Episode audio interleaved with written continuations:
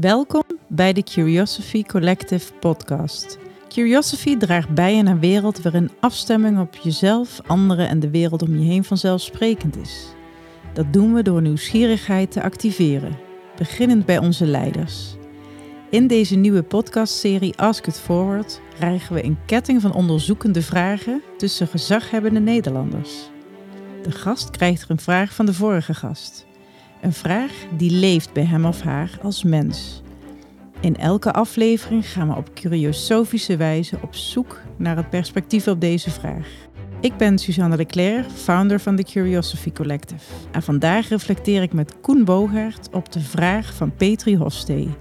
Koen is voorzitter van de raad van bestuur van EY en lid van het Governance, Risk en Compliance adviesorgaan van de Koninklijke Nederlandse Beroepsorganisatie van Accountants. Luister naar hoe Koen de relatie legt tussen het vertrouwen dat hij als kind ervoer toen hij hobo speelde met zijn vader en wat er nu nodig is om meer ruimte voor vertrouwen te krijgen in de accountantsector.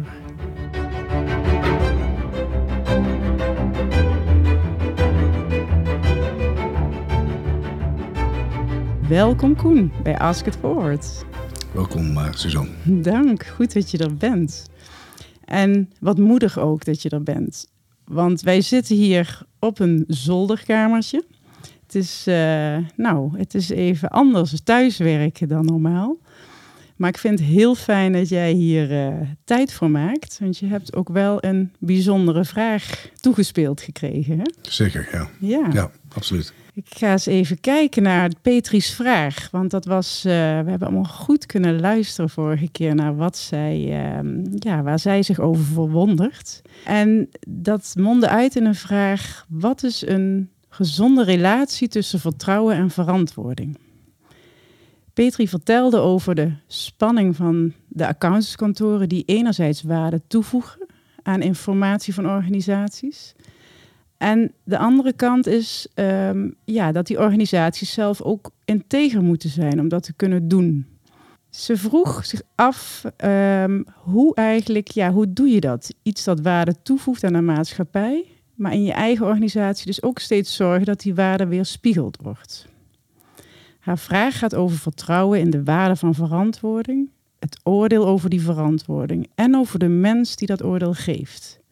Dat moet in overeenstemming zijn, zo zegt Petri. Zo hoopt ze. Graag legt ze jou de vraag voor: wat is een gezonde relatie tussen vertrouwen en verantwoording? Koen, ik heb jou gevraagd om vooraf eens na te denken over welk kunstwerk voor jou vertrouwen uitdrukt. En toen heb ik van jou iets heel moois toegestuurd gekregen. Laten we daar eens naar luisteren.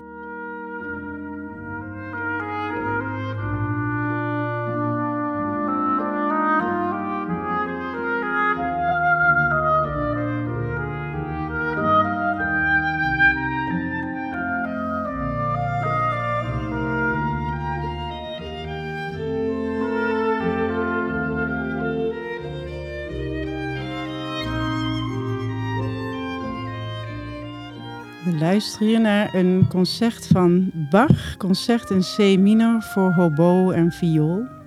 Het tweede deel, Adagio.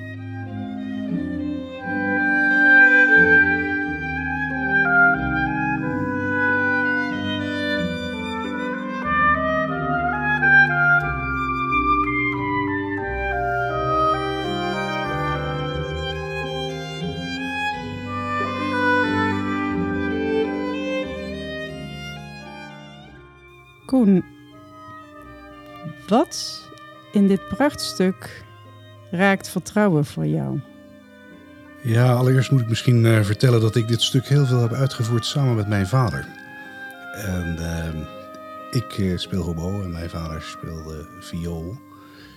En uh, als je samen iets uitvoert, uh, dan moet je heel erg veel ook vertrouwen in elkaar hebben. Dat je dat allebei op een goede manier volbrengt. En als ik nou zeg, als ik, als ik heel veel denk aan vertrouwen. Mijn vader was wat dat betreft ook. hij was helemaal geen muzikus hoor, hij was arts. Maar ik had ontzettend veel vertrouwen in hem om dat samen met hem uit te voeren. Dus als ik dit stuk weer beluister, dan moet ik altijd weer denken aan het enorme vertrouwen dat we dat samen uitvoerden. En we hebben het een, best wel veel hele mooie, ook in kerken hebben we het uitgevoerd. En dan was het, ja, het vertrouwen in elkaar om dat mooi te doen en dan het uit te voeren. En het is natuurlijk ook een, een stuk wat heel erg veel uh, vertrouwen uitstraalt. In de zin dat het is heel transparant. Het is ook, ook wel best wel enigszins voorspelbaar. Maar echt een, een, stuk vol emotie, vertrouwen, romantiek geschreven door een van de beste componisten van, uh, van alle eeuwen. Vertel eens over dat spelen met je vader. Dat, um, je haalt daar echt een ervaring op die je als jongetje nog herinnert. Um, wat gebeurde er uh, als jij met je vader naar zo'n kerk liep en jullie samen die instrumenten beetpakten? Kun je dat nog herinneren? Welk gevoel daaronder lag? Nou, was natuurlijk altijd wel spannend als je moet uitvoeren. Is natuurlijk altijd wel, uh, hoe zeg je dat? Uh, vraagt veel, veel concentratie. Ik denk ook dat als je zelf dat ooit gedaan hebt en dan natuurlijk op een heel ander niveau dan andere mensen dat ook kunnen, dan is ook de bewondering die je hebt voor mensen die dat doen en wat zij dan presteren, is, ja, die is denk ik heel erg heel erg groot. Maar het was altijd, altijd spannend. Het was ook gewoon ook ontzettend leuk om het samen met mijn vader te doen. Hmm, ja. En was het zo dat um, hij iets deed waar jij vertrouwen van kreeg? Of zat dat gewoon in het moment zelf? Nee, want ik geloof niet dat mijn vader zo. Uh, zo zat mijn vader niet zo erg in elkaar, denk ik. Dat hij uh, het nodig vond om. laten we zeggen, mij veel vertrouwen. Zijn aanwezigheid was gewoon. En nee, ik wist ook zeker dat het altijd goed zou gaan. Dus. Oké. Dus het was eigenlijk niet iets waar je veel voor hoefde te doen of waar hij veel voor deed? Uh, nou, de, we moesten wel goed studeren en het, het, moest wel goed gaan. Dus het was wel belangrijk dat we, dat we goed geoefend hadden. Maar nee, het was, het was niet iets heel bijzonders. Niet een, nee een heel bijzonder ritueel of zo wat daar vooraf ging. Nee. Mhm. Vooral concentratie. Concentratie. En wat gebeurde er? Je zegt het moest goed gaan. En wat gebeurde er dan als het... Het zal ook wel eens fout zijn gegaan, toch? Je was geen perfect kind of is het altijd goed gegaan? Het is wel eens niet helemaal goed gegaan. Het is nooit echt fout gegaan. Uh, En dat is omdat je gewoon... Uh, dat als het niet helemaal goed gaat, dat je het vertrouwen in elkaar moet hebben, dat je elkaar opvangt en uh, dat, je weer, dat, het weer, dat het weer goed komt. En dan achteraf hebben mensen niet eens gehoord dat het niet helemaal goed ging. Maar ja, ik denk dat daar ook wel weer heel veel vertrouwen in elkaar, elkaar goed kennen. Oké, okay. Oh, interessant.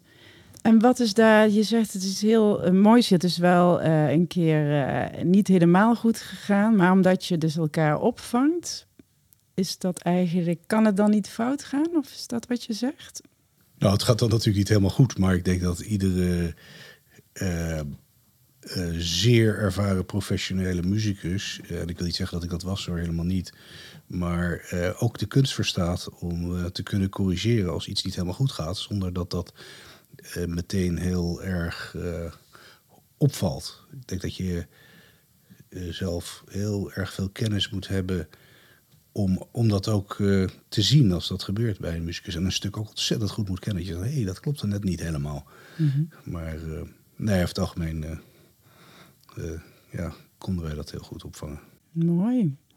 Laten we eens kijken vanuit die mooie persoonlijke voorbeeld naar de parallel van vertrouwen in het werk. Hè? Want, nou ja, het is niet. Uh, het valt ons natuurlijk allemaal op dat er eigenlijk al ontzettend lang gekeken wordt naar het thema vertrouwen in jouw uh, branche, uh, in de sector ja. van de accountants. Er loopt een onderzoek van de minister Hoekstra naar ja, hoe eigenlijk verandering aan te jagen in deze branche, die bekend staat toch wel als zelfgenoegzaam. De schandalen van Ballas Nedam, Imtech. We hebben best wel een context uh, waarin vertrouwen onder de loep ligt, zullen we maar zeggen. Het is niet voor niks ook dat Petri die vraag stelt. Ze willen het onderzoeken. En jij omschrijft net een heel mooi persoonlijk voorbeeld waarin er vertrouwen was, zonder daar al te veel voor te hoeven doen. En dat het er gewoon was in het contact met jouw vader. Kun je eens kijken naar um, wat is een randvoorwaarde voor vertrouwen in het werk dat, jullie, dat jij doet. Uh, je hebt ook lang zelf actief als accountant uh, gewerkt, zeg maar. Nu leid je uh, het grootste kantoor. Maar hoe um, kun je dus kijken naar die parallel van dat contact met jouw vader en hoe dat is in het werk als het gaat over het toetsen van een jaarverandering of je wer jullie werk met klanten? Zit daar een parallel tussen? Ja, ik, ik denk dat je in de eerste plaats een, uh, best wel een onderscheid moet maken tussen uh, vertrouwen in de professie en het werk van een accountant is eigenlijk niet steunen op vertrouwen, maar is eigenlijk als verificatie. Uh, maar als die verificatie niet uitwerkt en niet werkt in de verwachtingen van de gebruiker van, uh, van ook die jaarrekeningen, ehm, ja, dan verliest natuurlijk het uh, maatschappelijk verkeer uh, zijn vertrouwen uiteindelijk in in de professie. Um, ja, uiteindelijk is het, uh, als je het zou willen vergelijken met um, muziek en muziek maken, waar het heel erg in vertrouwen in elkaar gaat. Ik geloof ook dat uiteindelijk uh, je in een uh, omgeving waar je verificatie uitvoert, uiteindelijk, als er geen vertrouwen is, dan gaat de verificatie ook niet werken. Dus de controle. Dus er ligt wel degelijk een, een heel directe relatie. Dat ik nou zo direct een hele ook andere relatie zie met het muziek maken met mijn vader. Daar zou ik even nog heel diep over na moeten denken, eerlijk gezegd. Had jij controle nodig van jouw vader om het goede te doen? Nou, dat, dat geloof ik niet. Nee, nee, ik geloof wel dat uh, het, uh, dat is natuurlijk het vertrouwen in elkaar. Uh, ja, je, je, kent je vader natuurlijk vreselijk goed. Dus ook als je muziek met hem maakt, dan weet je precies wat, er, wat je aan elkaar hebt. En dat is, dat is natuurlijk ook wel een onderdeel van vertrouwen. Hè? Ja. Dat ja. vertrouwen is iets. Vertrouwen is, hebben ze zich altijd. vertrouwen gaat te paard en komt te voet. vertrouwen heeft tijd nodig. Mensen vertrouwen elkaar niet zomaar. Ook in verschillende culturen duurt het langer voordat je elkaar kunt vertrouwen.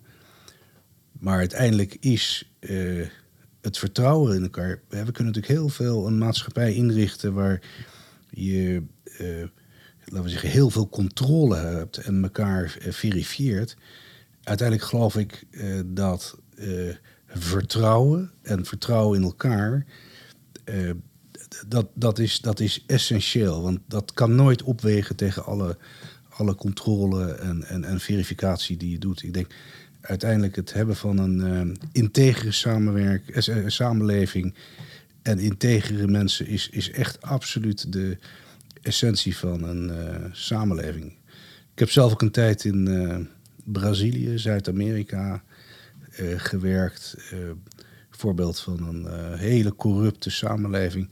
En dan realiseer je heel snel dat daar waar je geen vertrouwen in elkaar kan hebben, is ook de macht en de macht van het geld wordt, wordt onevenredig groot. Dus uiteindelijk is integriteit en vertrouwen zijn allemaal begrippen die natuurlijk ongelooflijk met elkaar samenhangen. Wat ik hoor, ik, ik moet denken aan de uh, Oostenrijks-Israëlisch-Joodse filosoof Martin Buber. En die zegt, hè, alle leven is ontmoeting. En hij benadert het begrip vertrouwen um, vanuit het perspectief dat als je werkelijk in contact bent, um, dat je dan weliswaar duidelijke onderscheidingen tussen jezelf en de ander ervaart, maar geen muurtjes of verdedigingsmechanismen. En um, dan treed je eigenlijk de ander en jezelf in vertrouwen tegemoet. En ik moet eraan denken, omdat jij net zegt dat je ehm, dat je elkaar moet kennen om vertrouwen te hebben en dat daar tijd voor nodig is. Het voorbeeld tussen jou en je vader in het maken van muziek hè, laat dat heel mooi zien. En toch is de professie, hè, de uh, professie van uh, de accountant, ligt nu um, ja, ligt eigenlijk al heel lang best onder vuur. En wat mij opvalt is dat dan het mechanisme, uh, de knop waaraan gedraaid wordt, zit hem vooral in um, indicatoren strakker afspreken. Um, in uh, meer aandacht komen. Uh, de vraag om meer aandacht voor fraude en discontinuïteit te organiseren. Um, nou, die audit, kwaliteitsindicatoren enzovoort. Dus hoe hoe zit dat? Dus ik zie eigenlijk een neiging om meer te gaan controleren en ook transparanter te maken wat jullie controleren. En dan hebben we de filosoof Buber, maar ook Koen Bogaert die hier zegt: het gaat om elkaar kennen. Kun je daar eens op reflecteren?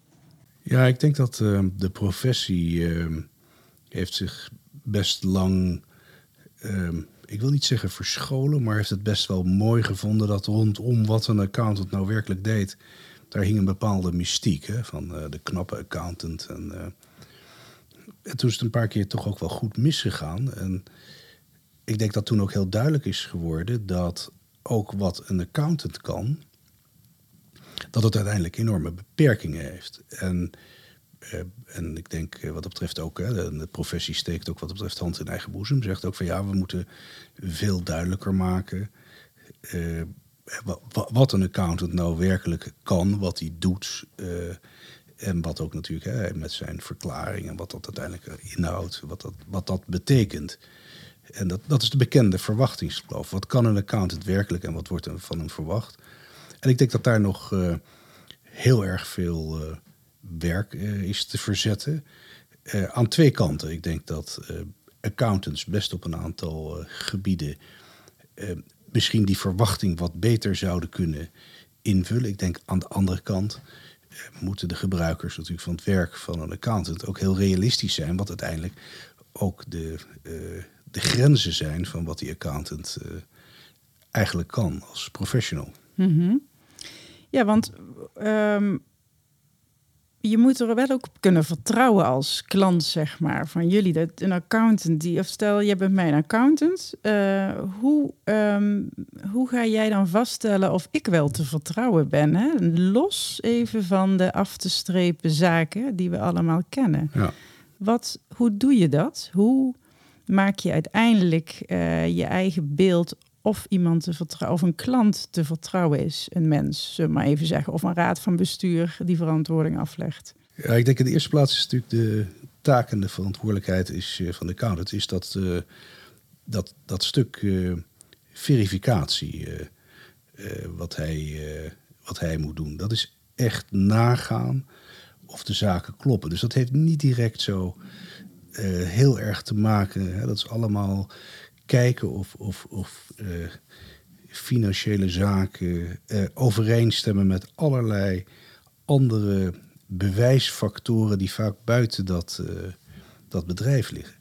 En het toetsen van processen en, en, procedures, misschien best een beetje een technisch verhaal, maar ik denk toch even nodig om, om het te vertellen. Want uiteindelijk is natuurlijk die waar, die accountant om gaat, is om te, om, om te toetsen of de ehm, processen en procedures uiteindelijk leiden tot een integere verantwoording. En dat is heel complex. Ik geef tegenwoordig wel eens het voorbeeld van. Uh, je ziet hoe moeilijk het is voor de overheid om uh, het aantal besmettingen, het aantal ziekenhuisopnames uh, en het aantal IC-opnames. Omdat dat gaat helemaal niet over vertrouwen, dat gaat helemaal niet over frauderen of weet ik het wat. Dat gaat gewoon over integriteit van gegevens. En dat is uiteindelijk de core business van een accountant. En ja, je, je ziet het iedere dag. Hè. Er staat de fluctuaties, dingen worden niet goed door. Om te zorgen dat uiteindelijk informatie eh, via die processen, dat je uiteindelijk een afbeelding krijgt van een heel complexe organisatie in een financiële verantwoording. Dat is de kerntaak van een accountant. En daar speelt iets doorheen, dat is absoluut vertrouwen van de mensen die dat opstellen, want dan, hè, dan ga je richting fraude. En natuurlijk heeft die accountant ook een verantwoordelijkheid in die, uh, in die fraude. Maar het is een onderdeel van zijn, van zijn taak. Het eerste is het, het, het kijken of die integriteit van die informatie klopt. Door alle processen en procedures, door dat ook te toetsen. Vervolgens te zorgen dat dat via een uh, rapporteringstaal, uh, IFRS, uh, in een verantwoording wordt. En, en dat is eigenlijk de kerntaak. En ik vind dat we ons ook niet te veel moeten laten afleiden van. want fraude is wel een onderdeel van, maar het is niet de kerntaak van een accountant. Wat is de kerntaak van een accountant? Uiteindelijk vind ik de integriteit van de verantwoording. en kijken of de processen en procedures.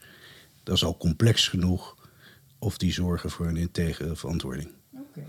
En daar fietst eigenlijk fraude als een, als een geweldig doorheen. Want dat doorbreekt dat hele proces. Mm -hmm. En daar moet een accountant natuurlijk heel alert op zijn. Mm -hmm. Maar, maar hoe zit ik zie dat, dat, niet dan, als zijn primaire taak. Hoe zit het de andere kant? Even een heel eenvoudig, klein, dichtbij voorbeeld. Uh, ik heb uh, net uh, afgelopen vrijdag met mijn accountant gekeken naar mijn jaarrekening van 2019. En um, dan stelt hij, dan heb ik een gesprek met hem. En dat gaat even over het afstreepwerk. En dan bevraagt hij me. En hebben wij een heel mooi constructief gesprek. Want in zo'n gesprek kijk ik naar voor, kijk naar achter. Um, en komen we eigenlijk samen ook nog tot nieuwe inzichten. Um, ik zou denken, maar dat is een aanname, dat op het moment dat jullie, ja, dat de accountants in Nederland zo onder druk staan, omdat er zo naar hen gekeken wordt. Wat doet dat nou eigenlijk met hun eigen um, vertrouwen dat zij wellicht nodig hebben om ook gewoon met zo'n klant te blijven durven vragen? Wat merk je daarvan in je eigen sector of organisatie? Nou, ik denk dat accountants hun professie blijven uitoefenen, zoals dat, dat ze daar dus zich niet van het uh, pad laten brengen. Maar ik denk wel dat dat uh, voor uh, accountants soms zeer demotiverend is om te zien dat ze toch heel vaak allerlei zaken wordt aangerekend die eigenlijk ze niet zo direct aan te rekenen valt. En wat dat betreft is het natuurlijk altijd heel simpel. Hè? Van de accountant gaat over die verantwoording. Als er dan iets niet goed met, ja, dan is die accountant direct verantwoordelijk. Maar zo simpel is het gewoon niet. En je hebt mij uh, eerder een keer verteld over een voorbeeld waarin jij zelf, um, hè, je hebt me eens verteld dat je zelf um, heel belangrijk vindt dat je je eigen klanten kunt vertrouwen. Hè? Dat, dat daar, daar eigenlijk het verantwoordingsproces mee begint. Als ik je zo mag samenvatten, anders corrigeer me. Nee, dat klopt, ja. ja. Nee, en, en zeker als je kijkt een, um, een ontwikkeling ook in... Uh, zeker de laatste twintig jaar, vooral met de grote opkomst van de IFRS, uh, zie je dat er ook wat betreft het management van de organisatie steeds meer verantwoordelijkheid wordt neergelegd. Uh, wat betreft het maken van inschattingen die ehm, ook naar de toekomst toe, die enorme consequenties hebben voor waarderingen in die jaarrekeningen. Dus de accountant moet, met, met natuurlijk zijn professioneel kritische blik, in die zin vaak veel meer ook uh, steunen. Uh, en hij moet verifiëren wat daarin geverifieerd wordt. Maar dat begrijpt me niet verkeerd. Um, op wat hem ook wordt gerepresenteerd. Uiteindelijk is het niet de accountant die die eigenlijk opstelde, maar het is het management. En de accountant verifieert hem. Maar dat betekent wel, en dat heeft te maken met uh, het meer fair value waarderen en al dat soort zaken, dat de stem van het management in het doen van dat soort waarderingen groter worden. En daar speelt direct weer het vertrouwen een grote rol dat het management daar goed en integer mee, uh, mee omgaat. En hoe zorg je er dan voor dat je dat, uh, als je net zegt, uh, je vertelt over het belangrijk is dat, dat het belangrijk is om mensen te kennen en dat je tijd hebt. Heb je dat voldoende? Ja, maar dan kom ik even terug op het uh, vertrouwen waarvan ik zei dat vertrouwen heeft tijd nodig. Want um, niet integer management wordt altijd ingehaald door de tijd. Want uh, de tijd leert de waarheid. Uh, dus uiteindelijk blijkt dat. En dan is het ook aan de accountant om te zeggen: van ja, als er sprake is om direct te zeggen van dat uh, ik defugeer als ik doe dit niet langer meer als accountant. Niet integer management wordt altijd ingehaald door de tijd. Dat is mooi. Ja. En ik wil hem toch beter begrijpen om het ook goed eh, in de vingers te krijgen. Ehm, zeg je dan eigenlijk dat de tijd wel zal uitwijzen of iemand of een groep mensen ver, eh, ver- te vertrouwen is? Ja, ik denk over het algemeen dat de tijd dat altijd eh, uitwijst. De vraag is natuurlijk hoeveel tijd heb je daarvoor nodig. Maar als ehm, eh, in een waardering bijvoorbeeld een, een, het management een volstrekt foute inschatting maakt ehm, eh, van eh, ho- hoe de toekomst eruit zal zien. En laten we zeggen dat ze dat doen om op, op niet integere gronden, dan zal dat altijd blijken, omdat natuurlijk zo'n dergelijke waardering uiteindelijk niet bewaarheid zal worden. En, en het dat niet waard zal zijn, dan moet je natuurlijk altijd teruggaan naar het moment dat het management die inschatting had moeten maken en welke variabelen ze toen ook in moesten schatten. Maar uiteindelijk geloof ik, je ziet het ook bij iedere fraudeur.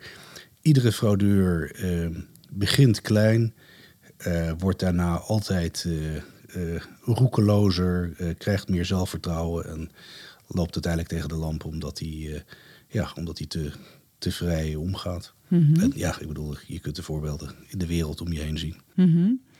En is die paradox, hè? want enerzijds eh, hebben jullie een wakend oog natuurlijk. Jullie zijn natuurlijk ook gericht vanuit je professie op dat ja, eh, herkennen van daar waar eh, de betrouwbaarheid er niet meer is. Als je dan naar op zoek bent, hoe open kun je mensen dan tegemoet treden? Laat ik voor mijzelf spreken. En naarmate je meer een ervaren professional bent, word je daar ook, hoe zeg je dat, eh, radicaler in of ruksiglozer, hoe, moet ik het omschrijven? Maar ik zal eh, een, niet-integer klant gewoon niet accepteren als klant. Die, eh, daar ben ik geen accountant van, dus dat is, full stop. En, maar je moet ook realistisch zijn dat, dat sommigen weten het natuurlijk ook heel goed te verhullen. Maar ik denk, ik vraag mij wel eens af. hè, dus en dan kom je terug weer op dat vertrouwen. Wat uiteindelijk heel essentieel is, ook voor een accountant. Het vertrouwen in mensen. eh, dat is eigenlijk je soort van ook risicomanagement ten opzichte van wa- waarom vertrouw ik sommige mensen en waarom vertrouw ik anderen eh, zoveel minder. En ja, dat, is, eh, dat vraag ik mezelf ook wel eens af. Maar ik denk dat ik daar in de bijna 40 jaar in mijn professie best wel een gevoel voor heb ontwikkeld. Ja. Wie er te vertrouwen zijn en wie niet. Daar, eh, nou, Heb je ook een voorbeeld, en ik snap dat dat niet met naam en toenaam is, eh, zo'n mooi voorbeeld als de muziek eh, en wat dat oproept over jou en je vader die muziek maken? Heb je ook een voorbeeld uit je eigen leven waarin je snel constateerde of kon voelen dat er geen vertrouwen mogelijk was? Of dat, er, dat je wantrouwde? ja, daar heb ik al een aantal situaties van meegemaakt. Ja. Zou je er eens Ja. één kunnen uitlichten?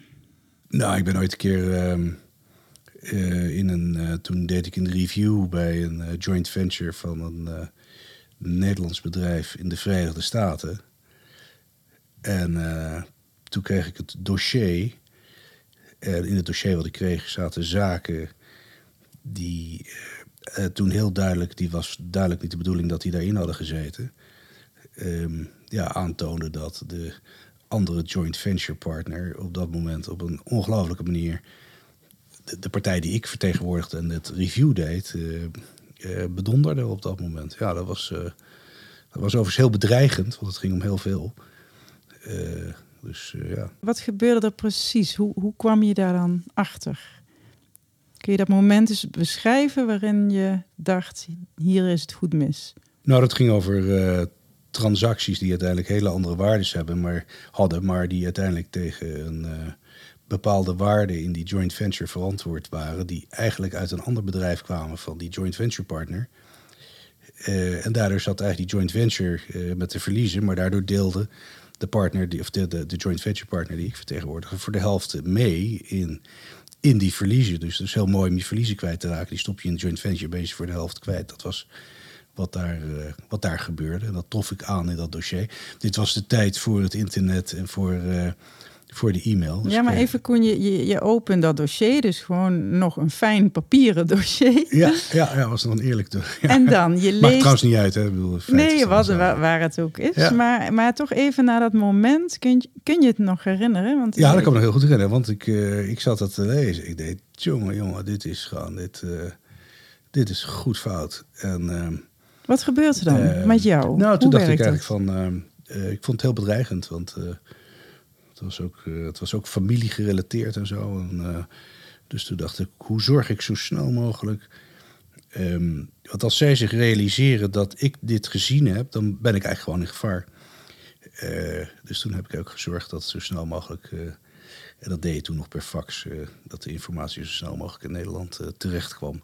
Waardoor die, eh, laten we zeggen, onafhankelijk werd van mij. eh, ja, Hmm, dus dat is heel spannend. Dus daar ja, dat was heel spannend. je, ja. Men- Mensen denken dat accountant geen spannend beroep is, maar het is heel spannend. Nou ja, dat eh, lijkt me heel spannend. En ehm, he- heb je in zo'n moment, heb je dan eigenlijk vertrouwen van een organisatie die achter je staat? Want ik kan me voorstellen Ja, je- absoluut. Ja, ja, ja, Ja. En ik was toen zelf nog geen partner. Ik was medewerker. Ja, ook de partner die stond 100% achter mij. En, ja.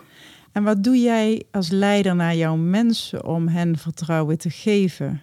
Om hun vak en ook hun ja, mens zijn zo goed mogelijk in te zetten voor hun kerntaak. Wat, wat doe jij daarin als mens voor hen? Nou, ik denk dat het heel belangrijk is dat ehm, ehm, mensen eh, kunnen, ja, dat is een beetje vertrouwen op jouw vertrouwen. En, eh, maar daar is natuurlijk ook zo. Eh, mensen die voor mij werken, ehm, ja, die, dat, die, die, die moeten ook mijn vertrouwen winnen. Het werkt, eh, vertrouwen werkt voortdurend eh, tussen relaties. Ik denk dat als iemand mijn vertrouwen heeft, dan kan je binnen ontzettende vrijheid voor mij werken.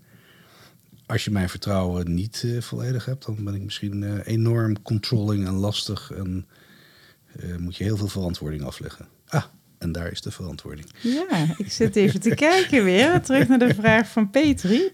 Moeilijke vraag had Petri trouwens gesteld. Ja, ja, ja. Jij vond ja. hem ook moeilijk. Hè? ja, ja. Nou, daar zit meer laag in, hè? want het, is het, eh, het gaat over een relatie. Dus het is inderdaad een, eh, nou ja, geen eenvoudige vraag. Maar goed, ik ben ook benieuwd naar wat jij nog gaat doorgeven straks. Daar gaan we naar kijken. Maar Petri vraagt, wat is een gezonde relatie tussen vertrouwen en verantwoording? En jij zegt net dat vertrouwen te maken heeft met die relatie eigenlijk. Hè? En dat op het moment dat je dus voelt dat ehm, ook tussen jou en medewerkers dat dat eh, dan minder is, dan ga je controleren. Dan ga je. Ja. Hoe weet je nou wanneer die balans er is? Wanneer eigenlijk er een gezonde balans is tussen vertrouwen en verantwoording? Hoe Nou, ik, ik denk dat de verantwoording is de toets van het vertrouwen. Eh, om de zoveel tijd, om ook het vertrouwen. Je ziet eigenlijk overal in onze maatschappij komt dat voor. Dat eh, om de zoveel tijd eh, is, wordt er verantwoording afgelegd. En als dat allemaal dan goed is, dan, dan, dan is dat een bevestiging van het vertrouwen. En eh, ja, als je daarover nadenkt, is dat een heel erg knap gevonden mechanisme. Eh, ehm, eh, zonder vertrouwen geen verantwoording. Maar een verantwoording is essentieel om dat vertrouwen ook te kunnen continueren. Dus daar is een, een, een belangrijke. En dan, Petri vraagt dan: wanneer is die relatie gezond? Dat is, dat is heel moeilijk om dat eh, te zeggen. Want eh, te veel verantwoording ja, kan ook best wel weer het vertrouwen schaden. Eh, en onder andersom kan ook weer. Maar uiteindelijk de balans, die, die, ja, die zie ik wel heel duidelijk van tussen die twee. Mooi. En nou ja, het gaat eigenlijk ook om een midden bepalen. Hè? Dat zo kijken we daar ook altijd naar. In, eh, nou ja, vanuit de Griekse oudheid gaat het eigenlijk ook altijd over hoe, hoe bepaal je nou het midden. Hè? En het midden is de, ja, de levenshouding waarin je niet te veel en niet te weinig hebt. Dat is, het, eh, eh, dat is de balans. Maar hoe, ehm, wat vind jij nu maatschappelijk van uh, dat midden of het ontbrekende midden als het gaat over de, het maatschappelijke gesprek over vertrouwen en verantwoording?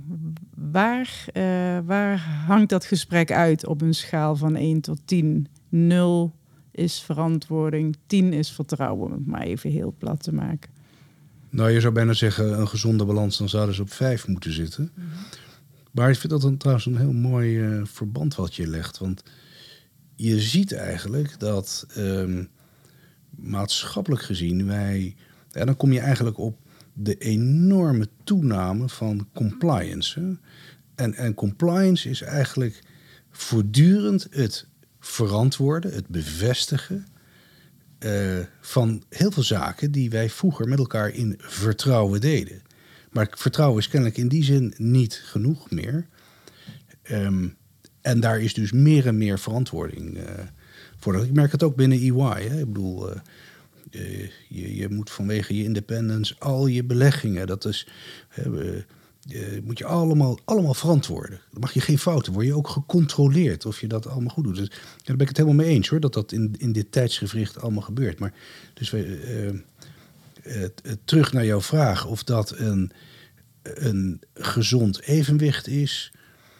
Ik vind dat uh, op dit moment uh, onze enorme behoefte aan uh, compliance wel heel erg aan het doorschieten is. En, en dat je je soms af kunt vragen wat de toegevoegde extra waarde is in dat vertrouwen ten opzichte van die enorme hoeveelheid werk die al die compliance met zich meebrengt. Ja, Interessant, ja. Ik herinner me ineens een voorbeeld uit mijn eigen uh, uh, historie. Dat ik ooit een uh, keurmerk dat we konden krijgen als organisatie, dat ik dat heb afgewezen. Terwijl dat heel goed stond in de sector, zullen we maar zeggen omdat alle vragen en de processen die daarachter wegkwamen, dat was zoveel werk. Terwijl ja. ik en mijn mensen wisten al dat wij er makkelijk aan zouden voldoen. Maar dan hadden we weken, hadden we lijstjes moeten ja. maken, interviews moeten afnemen.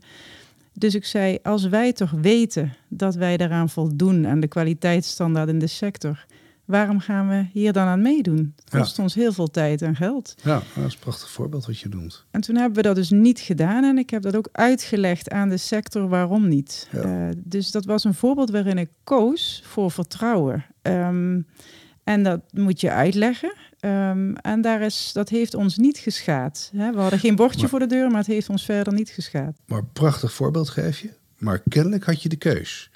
En en vandaag de dag is heel veel compliance, daar heb je geen keus. Dat is gewoon verplicht. Hè? Is dat? dat ja, maar dan uh, zit ik hier wel tegenover jou, Koen. En um, pak jij een rol in dat debat?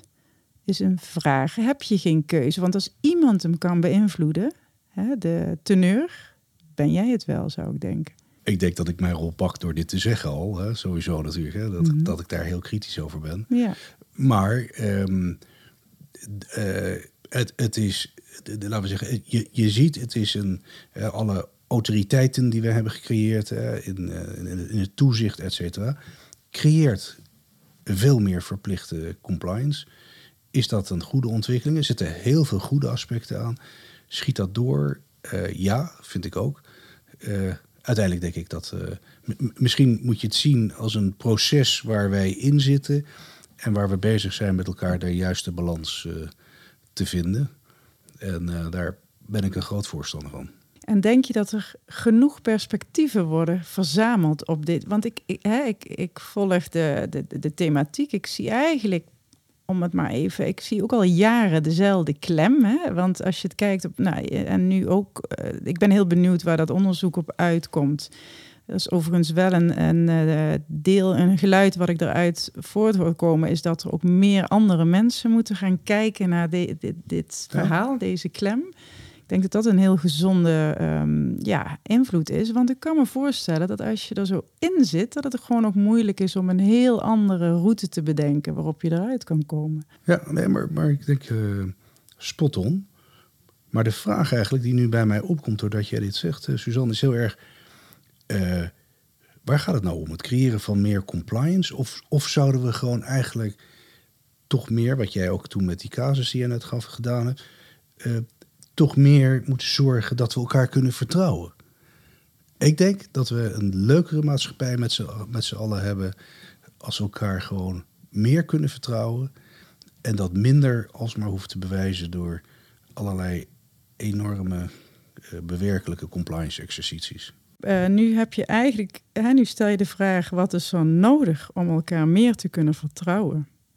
Dat is een vraag die een heel ander onderzoeksproces op gang brengt. Ja. Dan hoe de vragen tot nu toe worden gesteld in de, uh, nou laat ik het zo zeggen, de politieke vragen in de zin van het onderzoek dat gedaan wordt. Ja, ja. Ik denk als je op deze manier de vraag formuleert, uh, ja, en je zou daar mensen uit heel andere hoeken mee laten kijken. Althans, dat, ik gun dat de branche en ik gun dat Nederland omdat uh, ik denk dat we inderdaad, uh, um, nou ja, je geeft ook aan, Peter geeft die, spreekt die zorg ook uit. Die, die, die balans uh, blijven houden is erg belangrijk voor iedereen om zijn vak goed te kunnen blijven uitoefenen en vertrouwen te houden. Ja, de, de AFM vroeg aan mij, die zei op een gegeven moment van, Koen, geloof jij nou dat in deze coronatijd de, jullie even goede controles kunnen doen als, hè, want wij doen heel veel virtueel, online, et cetera, et cetera. Maar het antwoord is natuurlijk nee als je niet bij mensen bent, ze in de ogen kijkt, uh, ze ziet acteren, uh, ja, uh, dan mis je ook als accountant een enorme. Hoe, hoe ze met elkaar omgaan ook, hè? hoe de dialogen zijn tussen mensen. Dan mis je als accountant enorm veel heel essentiële controleinformatie, waar misschien in de dossiervorming niet zo heel veel aandacht voor bestaat, maar uiteindelijk in het uiteindelijke verificatieproces de account dat heel essentiële informatie opdoet. En wat doe je vervolgens als je dat deelt met de AFM? Hè? Wat doe je dan? Vraag je om begrip? Of vraag je wat, wat doe wat nee, maar ik denk dat de AFM dat heel goed begrijpt. Oh, ja. ja. want je moet niet vergeten, de AFM controleert ons ook weer. Eh, komt weer dossiers bij ons verifiëren. En merkt nu ook, nu zij dat niet bij ons op kantoor en alle actoren die een dossier hebben samengesteld, de professionals. Dus, dus ik denk dat zij precies hetzelfde ervaren. ja. Mhm.